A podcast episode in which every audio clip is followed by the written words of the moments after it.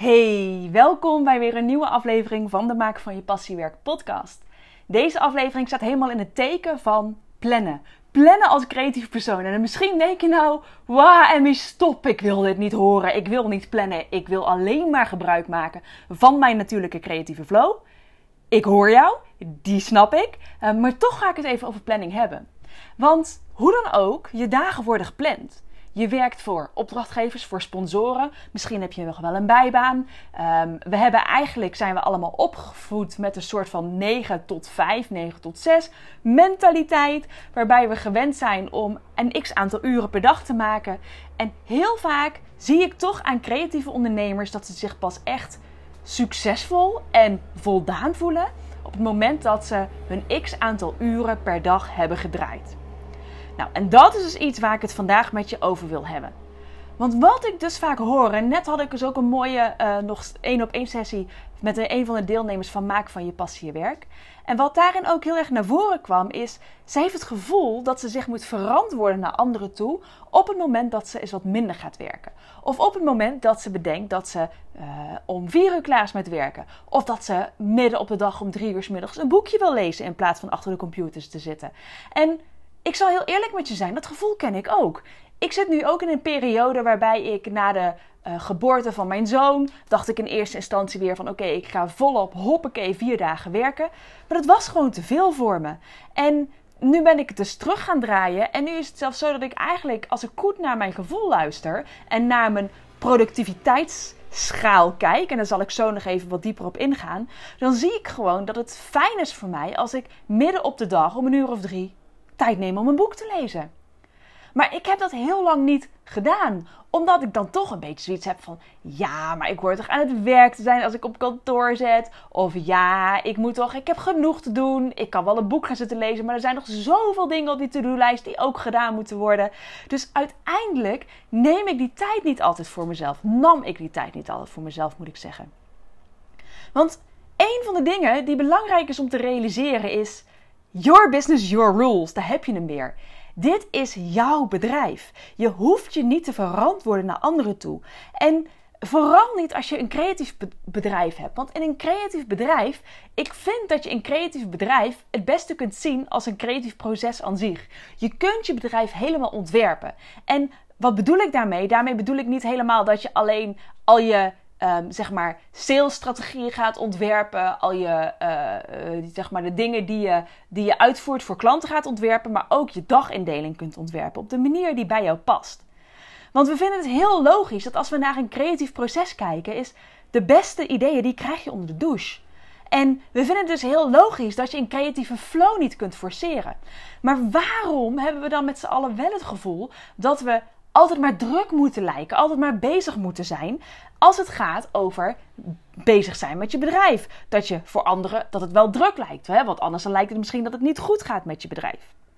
Want wat nou als anderen er iets van zeggen? Nou ja, sowieso is goed om je te realiseren, is het goed om je te realiseren dat er waarschijnlijk niemand gaat zijn die tegen jou zegt op het moment dat je om drie uur middags een boek leest van, uh, nou wat ben je aan het doen, dat is toch geen werk. Dat is een aanname die je waarschijnlijk heel groot kunt maken in je hoofd. En dan noem ik dit voorbeeld, maar jij kunt vast nog wel een ander concreet voorbeeld voor jezelf bedenken, die ook een beetje hiermee te maken heeft. Um, maar je zult dus eigenlijk merken dat niemand dat exact zo zegt. Dus wat nou als anderen er iets van zeggen? Nou ja, één, is het een aanname of is het realiteit? Heeft iemand echt iets van gezegd? En wat nou als iemand er iets van zegt? Want ik zat dus te praten met iemand uit de Maak van je Passie werkgroep. En die zei van ja, nou dan zou ik eigenlijk omschrijven waarom het eigenlijk wel bijdraagt aan mijn bedrijf. En toen vroeg ik haar ook van ja, maar doe je dat dan voor jezelf? Of doe je dat dan voor een ander? Want is your business, your rules. Moet jij aan een ander omschrijven waarom jij ervoor kiest om een boek te lezen? Moet jij aan een ander omschrijven waarom jij ervoor kiest om maar vijf uur per dag te werken in plaats van acht uur per dag? Dat hoef jij helemaal niet te omschrijven. Dus dat mag wel. Ik zeg namelijk niet dat je dat niet mag doen. Want soms kan het heel goed voor jezelf zijn om dat hè, te omschrijven. Om jezelf daarin te sterken. Om te voelen van ja, maar ik kies hier heel bewust voor. Maar doe het dan wel alsjeblieft 100% voor jezelf. Doe dat niet voor een ander. En als we gaan kijken naar een soort van natuurlijke flow. We beginnen heel standaard vaak, s ochtends met het checken van onze mail. Want dat is wat je doet. Dat is wat productief voelt. Dan heb je dat meteen een beetje weggewerkt. Dan kun je daarna verder. Maar als je heel eerlijk naar je eigen dagindeling gaat kijken, dan zul je je al heel gauw realiseren. En dit is voor de meeste mensen zo. Hè? Het hoeft niet zo dat het voor jou ook specifiek zo is. Maar voor de meeste mensen is het zo dat het checken van de mail in de ochtend helemaal niet het meest nuttige is om te doen. Sterker nog, het is ontzettend zonde van jouw spanningsboog, van je natuurlijke soort van energieverdeling op een dag. Want heel veel van ons, en vooral creatieven, die hebben juist ochtends een enorm focusmoment, een enorm soort van piekmoment. En als jij die tijd gaat besteden aan mails beantwoorden en bekijken, dan is dat echt heel erg zonde van je natuurlijke soort van ja, energiebalans op een dag. Dus wat ik je eigenlijk als tip mee wil geven is: ga eens kijken ben jij de hele dag productief? Het antwoord is waarschijnlijk nee. En dat is oké. Maar op die momenten dat jij niet productief bent eigenlijk van nature en je wel gaat forceren om productief te zijn, dan kan ik jou beloven dat het niet de momenten zijn van de beste flow. Dan ga jij niet de fijnste creatieve ideeën krijgen. Nee, die ideeën krijg je op het moment dat het niet geforceerd voelt. Dat jij je voelt van oké, ik ben gewoon een beetje, een beetje, ik sta onder de douche, ik doe iets wat ik fijn vind om te doen, ik ben een wandeling aan het maken, dan komen die mooie ideeën binnen. Dus ga eens kijken naar wat is die, dat natuurlijke ritme van jouw dag.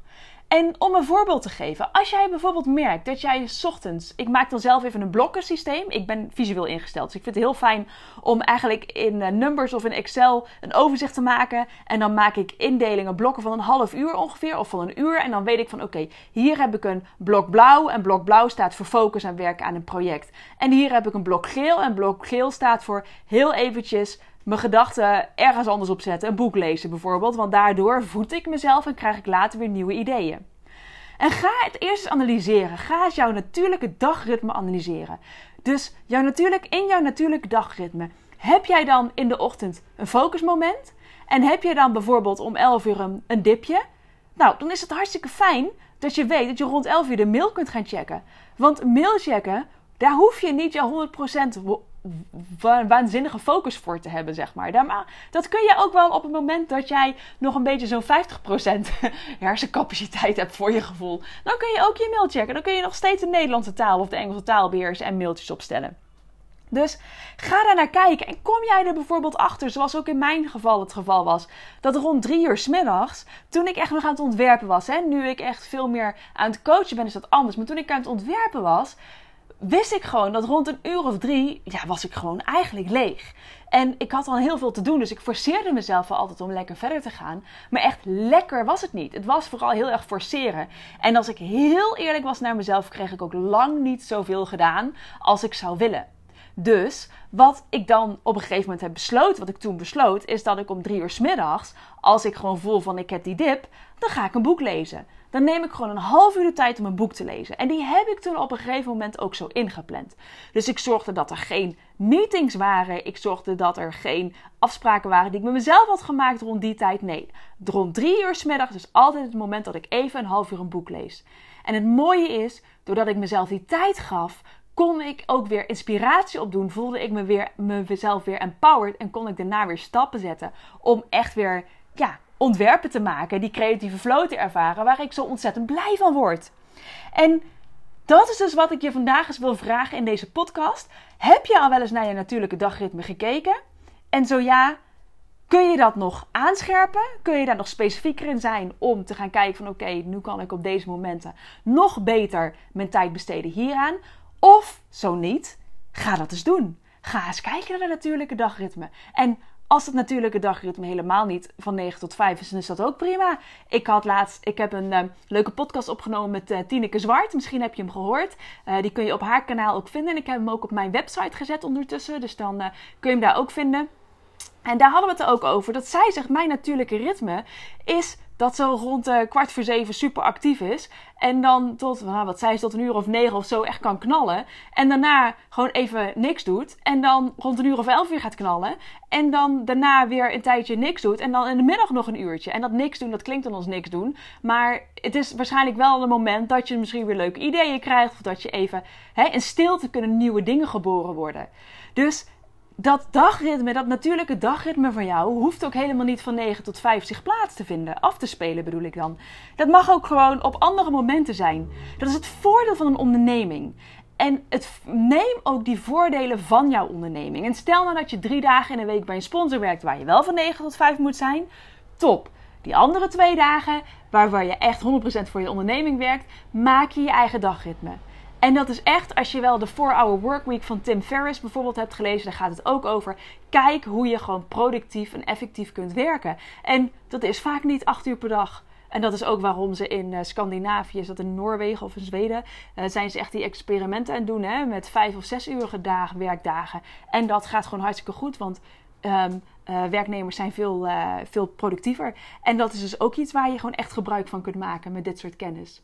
Dus ga je lekker mee aan de slag. Um, lang verhaal kort, kijk naar je eigen dagritme, naar je natuurlijke ritme en doe jezelf een plezier. Volg die. Your business, your rules. Je hoeft het aan niemand te verantwoorden. Dit is jouw leven. Dit is jouw bedrijf.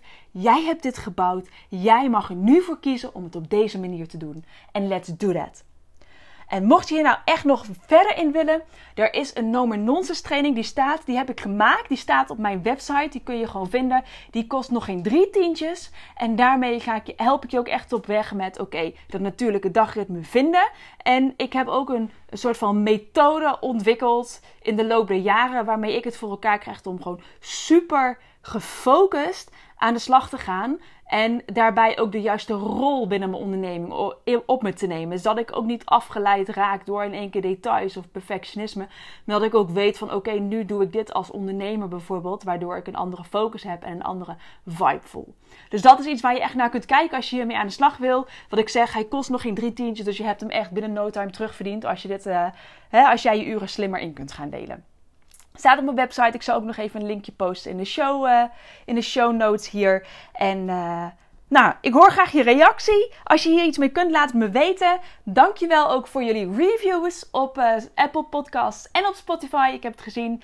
Uh, en de, de, de sterren die jullie hebben gegeven, ben ik super blij mee. Want daarmee help je mij weer om ja, dit toch gratis te kunnen blijven doen. En uh, deze kennis te kunnen blijven delen met iedereen. Dus deel deze podcast ook. Schroom niet om het op Instagram te delen. En vergeet mij dan niet te taggen, want dan kan ik het weer doordelen. Ik wens je een heerlijke dag en we spreken elkaar weer in de volgende aflevering van de Maak van je passiewerk podcast.